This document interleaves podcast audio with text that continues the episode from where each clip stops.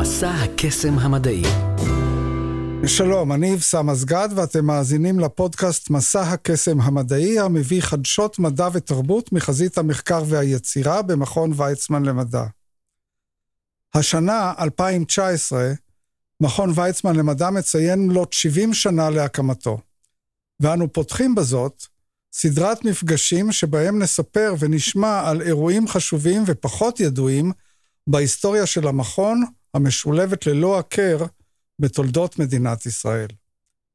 הפעם ננסה לבדוק שמועה שגונבה לאוזנינו, על תערוכה שהיא ככל הנראה הארוכה מסוגה בעולם. איתנו סביב השולחן מירב סגל, מנהלת גנזך ויצמן, שממש בימים אלה נפרדת מאיתנו ויוצאת לחופש הגדול של חיי הגמלאות, וליאור הכט יעקבי, שהחל מימים אלה תיכנס בעול ניהול הגנזך. שלום לשתיכן. בוקר טוב. נתחיל בצילום קטן שקיבלתי ממך, מירב. בנובמבר 1964, 12 שנים לאחר מותו של דוקטור חיים ויצמן, נחת מסוק צבאי בשדה מחניים בגליל העליון. מהמסוק ירדה דוקטור ורה ויצמן, אלמנתו של הנשיא הראשון של מדינת ישראל ושל מכון ויצמן למדע. מה הייתה מטרת הביקור הזה, מירב?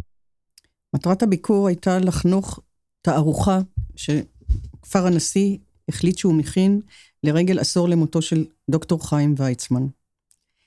נסעו יחד עם ורה ויצמן, מאיר וייסגל שהיה נשיא המכון, בוריס גוריאל מנהל הגנזך, ויוליאן מצר שהיה יו"ר מועצת המנהלים של יד חיים ויצמן. החבורה הזאת למעשה הייתה בקשר טוב מאוד עם ישראל אבידור, שהיה מזכיר הקיבוץ של כפר הנשיא, ויחד הם, הם תכננו את התערוכה. איך היא נוצרה, נספר אולי בהמשך. ליאור, מדוע דווקא קיבוץ כפר הנשיא זכה בכבוד הגדול הזה? חשוב לי להזכיר שקיבוץ כפר הנשיא בעצם קרוי על שמו של אה, הנשיא, חיים ויצמן. בעת הקמת הקיבוץ, החברים פנו לחיים ויצמן וביקשו לקרוא את היישוב על שמו. הוא בצניעותו החליט לא לקרוא לו כפר ויצמן והציע את השם כפר הנשיא.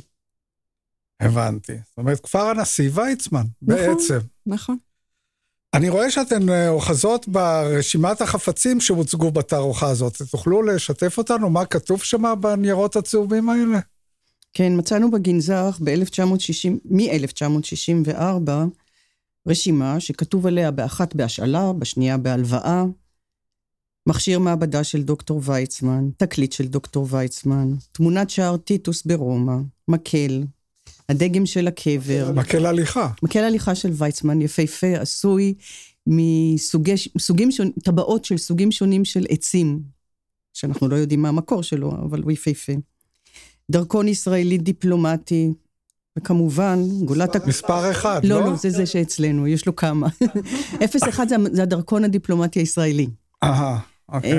אמ, מכתבים, משקפיים, מתנות שהוא קיבל, וגולת הכותרת, אם כבר מותר לומר אותה, חרב מכסף גדולה ומפוארת. שיוחסה במקור לפייסל, נכון, על האמיר פייסל, נכון. כמדומני. זו כנראה תורה שבעל פה, ואנחנו קצת חקרנו לעומק את סיפור החרב הזו, ועשינו שילוב של מידע שיש לנו, גם בארכיון שלנו וגם בארכיון של מכון ויצמן. ואכן, בכל מקום כתוב החרב, גם ברשימות אינבנטר שלנו, בגנזך, וגם ברש... במאמר מאוד יפה שנכתב על התערוכה בג'רוזלם פוסט, שמצאנו בארכיון מכון ויצמן.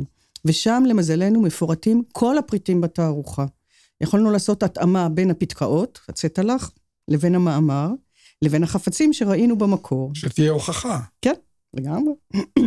בקיצור, החרב לא מפייסל כנראה, אבל אז עשינו סיעור מוחות, שזה היה ממש מרתק. גם מיכל, שהיא מנהלת בית ויצמן, וגם ליאור וגם אני, ואיכשהו כל אחת תרמה איזושהי תרומה, ולפתע אמרנו, רגע, רגע, מודע שזה, אני נזכרתי, בתצלום שיש לנו בגנזך, מ-1949, שוויצמן מבקר עם יגאל אלון בבאר שבע לאחר הכיבוש, שנה אחרי הקמת המדינה. ובמשלחת מקבלים את פניו שייחים בדואים.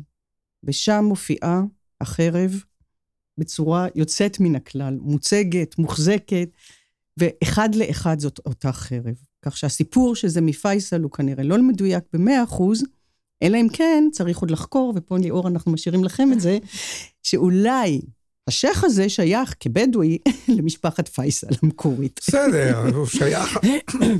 אבל, אז ויצמן קיבל אותה כמתנה. כן, כן. ממי? משייח' סולימאן, ולחרב גם נלווה אה, מכתב הוקרה על הקמת המדינה, הוקרה לוויצמן על התרומה שלו להקמת המדינה, ושמחה של התושבים הבדואים של הנגב על ההקמה של המדינה. וכל זה קורה בסיור הזה בנגב בבאר שבע, ולא ב-1918. באיזה שפה? באנגלית. באנגלית. המכתב של השייח הבדואי לחיים ויצמן באנגלית. מעניין. ואגב, יש את השם של האומן שיצר את החרב, בערבית, על החרב. אומרת, הוא חתום. חתום. האומן חתום. האומן חתום. מסע הקסם המדעי.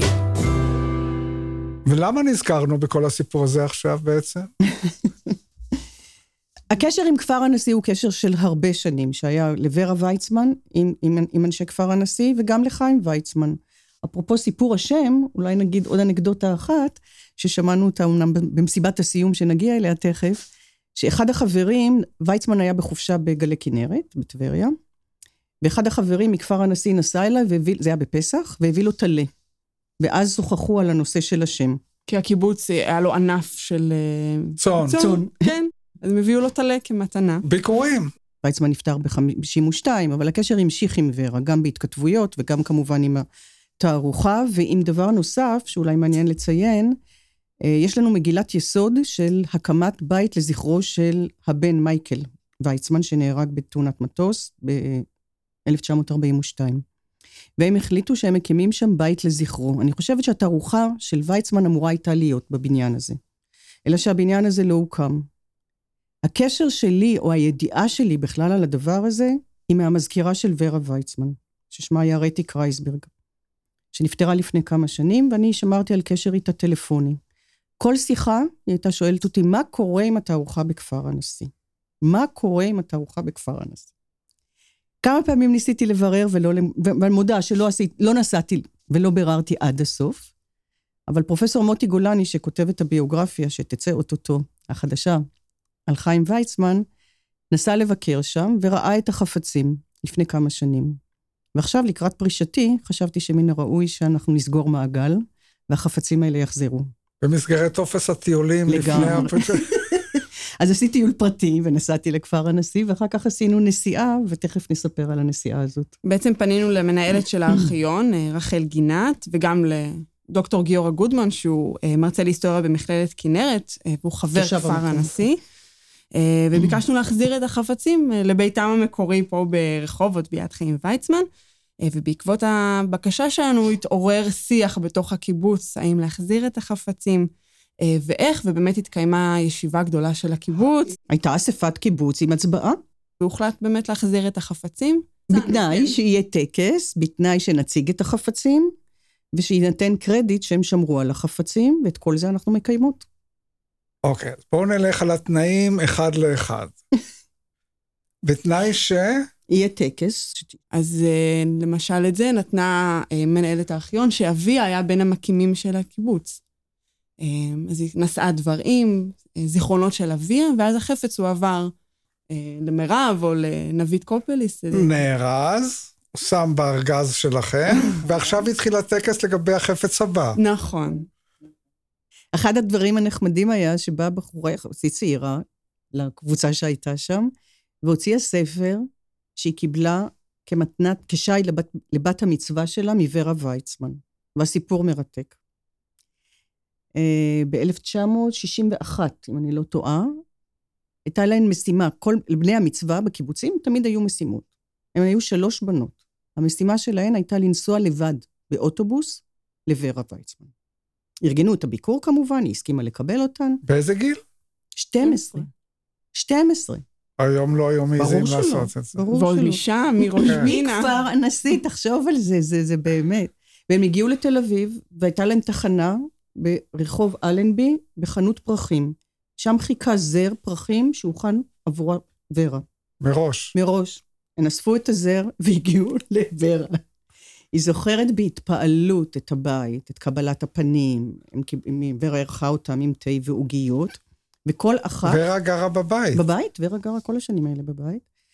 והם קיבלו כל אחת ספר של ציפורי ארץ ישראל, עם הקדשה בעברית מוורה. והיא שומרת את הספר הזה עד היום. זה בהחלט היה מרגש, אני מוכרחה לומר, כולנו התרגשנו איתה. הטקס היה מקסים. ראו שזה חלק מהוואי הקיבוץ, ו... חלק מההיסטוריה. האישית של כל אחד. נכון. כן. וגם העניין שהם יודעים, הם, הם עושים טקסים, זה קיבוץ מאוד חברתי, עם, עם, עם אוכלוסייה באמת יוצאת מן הכלל, שיודעת לשמר את הדברים. זאת אומרת, המילה טקס היא שגורה אצלה. משמע- כן, זה לא... כן, אנחנו כאילו חייכנו בהתחלה, שאמרת, טקס, קבלה. אנחנו באות להחזיר, כן? אז- אוקיי, אז חפץ אחר חפץ אחר חפץ? לא, שלושה, שלושה, עשינו את הטקס אה. בשלושה חפצים, הסתפקנו. היו כאלה. אה, אתם הסתפקתם זה יפה. לא, גם הם, גם הם, גם הם, גם הם. זה היה מתואם, זה היה בהחלט מכובד למדי. ואגב, הם, הם תבואנה לביקור כאן, ב- מתי זה כבר נקבע מועד? עוד לא נקבע מועד, אבל הזמנו כמובן את כל חברי הקיבוץ להגיע לביקור, לראות את החפצים שמוצגים היום. ואת הבית. כי זה אחד מהתנאים היה, שהחפצים יוצגו. איזה עוד תנאים היו? או ש...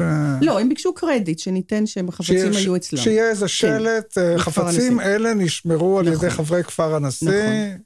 עשיתם שלט? שקרוי על כן. שמו. ש... כן? יש שלט שם? טרם, הוא, זהו, הוא, הוא, הוא טרם עוצב, הוא כתוב, הוא, הוא יצא לפועל. הבנתי. יהיה, יש... אנחנו נעמוד בכל התנאים. אה, יש לנו שולחן תצוגה, שהוא שולחן תצוגה, אגב, מתקופת התערוכה שעשו על ויצמן בספריית ויקס ב-1950. יש לנו כמה שולחנות תצוגה שנותרו. עם אה, זכוכית ברזל, כאלה. נכון, נכון. ושם שמנו את זה ליד פינת האוכל, זה לא מפריע, ושם זה מוצג, ואני לא יודעת לכמה זמן, זו כבר תהיה החלטה של האוצרים של הבית הלאה, אבל זה, זה בהחלט, זה סיפור שמרתק את כולם.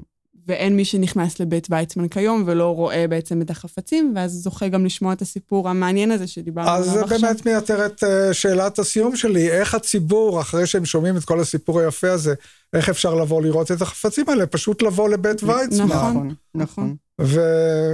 וזה חלק... אה, זה חלק מתצוגה מובנה- כרגע, כן. חלק מובנה גם בסיור של המדריכים במקום. נכון, נכון. כמה שנים אגב זה היה שם? 55 שנים. אני חושב ש- מ-1964. שכמעט בוודאות זאת ההשאלה המוזיאלית הארוכה ביותר שהייתה אי פעם, לא רק במדינת ישראל, אלא-. בכלל. כאילו. נכון. אפשר להכניס את זה למילוני הטריוויה. טוב, מירב סגל, ליאור הכט יעקבי, תודה לכן על השיחה והנעימה ועל הסיפור המעניין והמרתק הזה. תודה רבה. עד כאן להפעם. דברו איתנו דרך הפייסבוק או הטוויטר של מכון ויצמן למדע. אני אבסם אסגד. תודה לעומר סנש ולעידו קינן על ההפקה. להשתמע בפעם הבאה. מסע הקסם המדעי.